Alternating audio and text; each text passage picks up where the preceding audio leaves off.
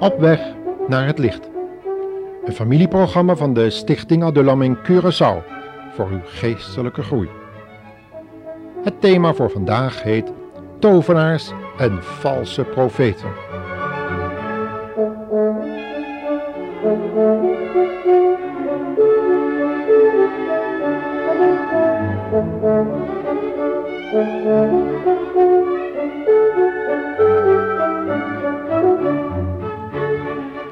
Een schaars verlichte kamer zitten een paar mensen bij elkaar. Ze hebben een seance en wachten op het spreken van de geesten uit het dodenrijk. Tenminste, ze menen werkelijk dat het de geesten van overledenen zijn. Maar de mensen hebben niet in de gaten dat ze in contact komen met demonen, gevallen engelen. Inderdaad komen er geluiden. Stemmen klinken in de kamer. Zuchten worden gehoord. En dan begint een medium te spreken de stem van de overleden persoon die men meende opgeroepen te hebben. Herkent u dit, luisteraar? Zo ja, dan bent u op de hoogte van een van de gevaarlijkste bedriegerijen van Satan, de overste van deze wereld en de machten in de lucht. Dacht u dat we met dit zo te stellen teruggekeerd zijn in de middeleeuwen, met het bijgeloof van onwetende en dom gehouden mensen? Nee, beste luisteraar, het is helaas pure werkelijkheid. Wanneer de Bijbel waarschuwt voor leringen van demonen en verbiedt om geesten uit het vermeende dodenrijk op te roepen, dan zijn dat geen fabeltjes. De Satan loert erop om met behulp van het vermogen van de mens om te geloven in onzienlijke dingen zichzelf te openbaren. Ook hij heeft geloof nodig. Vergeet dat niet. Met nuchtere mensen moet hij anders handelen, meer via het intellect en de leer van de evolutie. Maar ook met behulp van de gedachte dat de mens zichzelf moet leren ontplooien en zijn zielsvermogens moet ontwikkelen. Herkent u ook deze gedachte, luisteraar? Ze is erg verbreid onder wetenschappelijke georiënteerde mensen. Maar laten we de Bijbel eens over dit onderwerp laten spreken. En wel zoals het staat beschreven in 1 Korinthe 2, vers 6 tot 9, waar de apostel Paulus het volgende schrijft. Wat wij zeggen is wijsheid voor gelovigen die het begrijpen. Deze wijsheid is niet van deze wereld, noch van haar leiders die eens ten val komen. Wat wij zeggen is wijsheid die tot nu toe verborgen is geweest. Voor het begin van de wereld had hij zijn plan al klaar om in zijn, in zijn heerlijkheid te brengen. De leiders van deze wereld hebben geen van allen ervan geweten, want anders zouden zij de heren van de heerlijkheid niet aan het kruis hebben geslagen. Dat staat zo ook in de boeken. Wat niemand heeft gezien, niemand ooit bedacht, dat heeft God allemaal klaar voor hen die Hem liefhebben.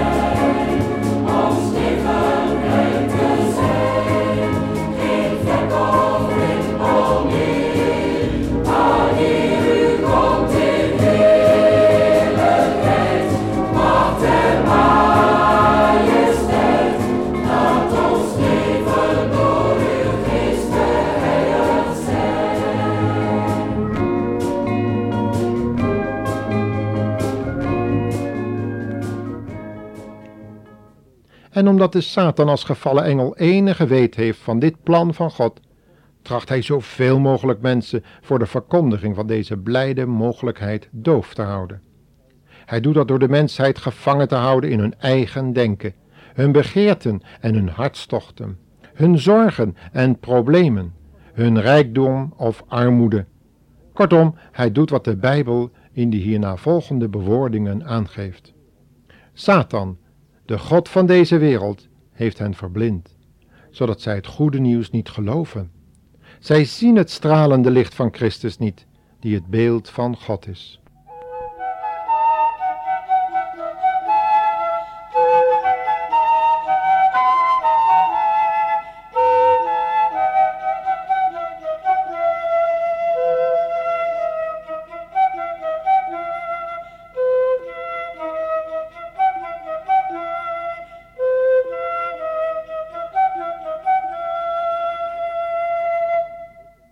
Om bewaard te blijven voor de geest van de antichrist, waar deze informatieve serie radio-uitzendingen op weg naar het licht over gaan, is het noodzakelijk dat je het goede nieuws van Gods woord gaat geloven.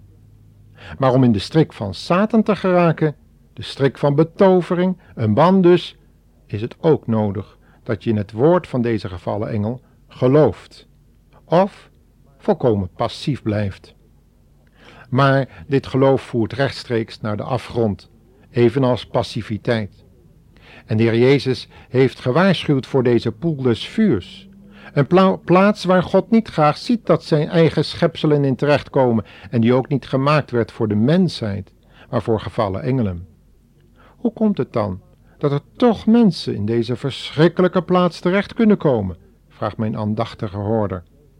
Welnu, de mens heeft de eigenschap meegekregen om te kunnen geloven in woorden die zijn oren horen en zijn ogen opmerken.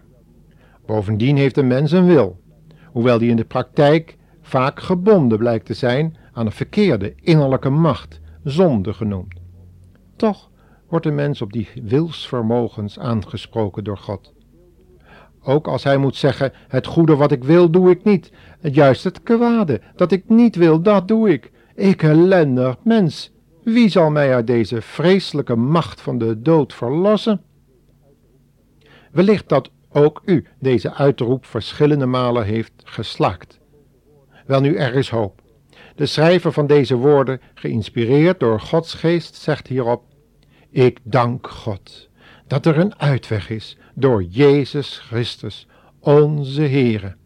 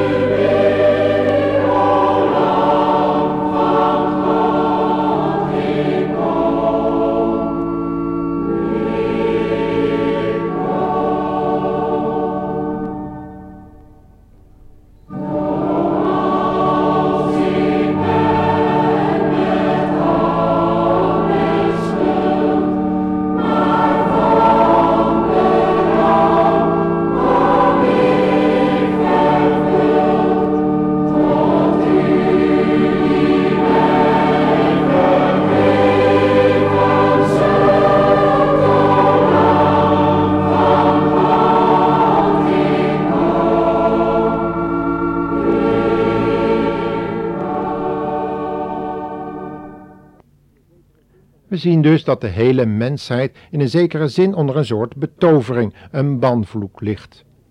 Wij weten hoe dit is gekomen. Onze verre voorouders hebben hun wilsvermogens verkeerd gebruikt en onder de wil van de grote tegenspeler van God gebracht. Hierdoor is er toverij, valse profetie, die gepaard kan gaan met wonderbaarlijke en onbegrijpelijke tekenen en wonderen. Mozes kreeg hier reeds mee te maken aan het hof van de machtige farao, toen hij oog in oog kwam te staan met de hoftovenaars Jannes en Jambres, die zich met hun wonderen tegen Mozes woorden trachten te verzetten, en er mede voor gezorgd hebben dat farao zijn hart verhardde voor de boodschap van verlossing, die God door middel van Mozes bracht. U kunt het lezen in 2 Timotheus 3, vers 8, waar Paulus het over valse leraars in de gemeente heeft, die met hun leer de gelovige christenen in zijn tijd in de war brachten. Deze valse leraars, die ook nu de kerk binnendringen met hun oosters filosofie en wonderbaarlijke toverij en alternatieve oplossingen voor de gigantische wereldproblematiek, worden door Paulus genoemd mensen met onzuivere gedachten, verwrongen en verward, die zich van het geloof hebben afgewend. Maar zij kunnen hier niet altijd mee door blijven gaan. Op een dag zal hun dwaasheid aan het licht komen, net als die van zonde van Jannes en Jambres.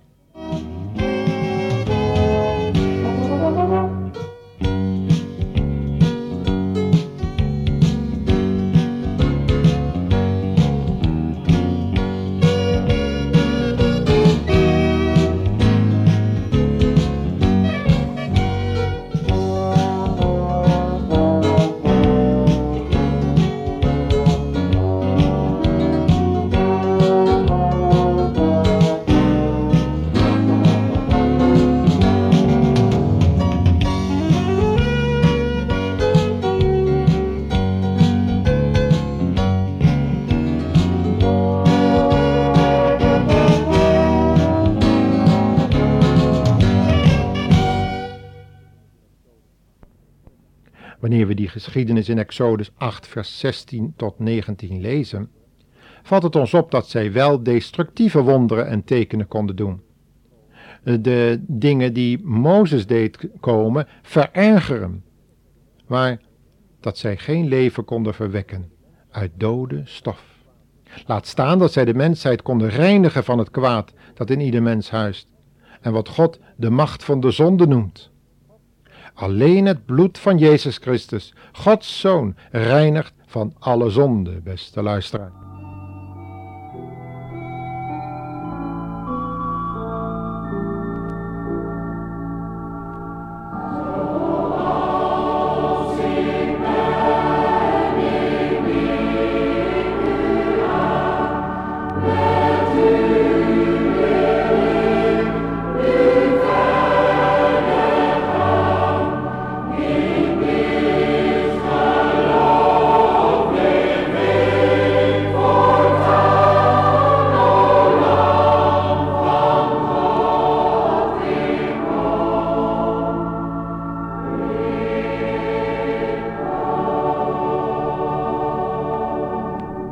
Alleen door dit bloed dat eenmaal op het kruis is gestort door de Heer Jezus Christus, is er redding uit de macht van Satan, zonde en dood mogelijk geworden. Wie in de Heer Jezus gelooft, gaat uit die dood over in het leven en wordt getrokken uit de duisternis tot zijn wonderbaar licht. Wilt u dat ook, beste luisteraar? Geloof dan in Gods reddende boodschap van genade. Hij zoekt ook u Neem de Heer Jezus aan als het lam van God dat de zonde der wereld wegneemt. Neem hem aan als uw persoonlijke redder en Heer en dank God dan voortdurend voor zijn onuitsprekelijke genade. U zult gered worden van de toekomende toorn van het lam, die de hele mensheid en de aarde zal streffen, omdat de liefde tot zijn waarheid niet werd geloofd of aangenomen. Daarom alleen al, luisteraar, wetende de schrik des Heren, bewegen wij de mensen zowel als mogelijk is tot geloof. Laat u behouden, nu kan het nog.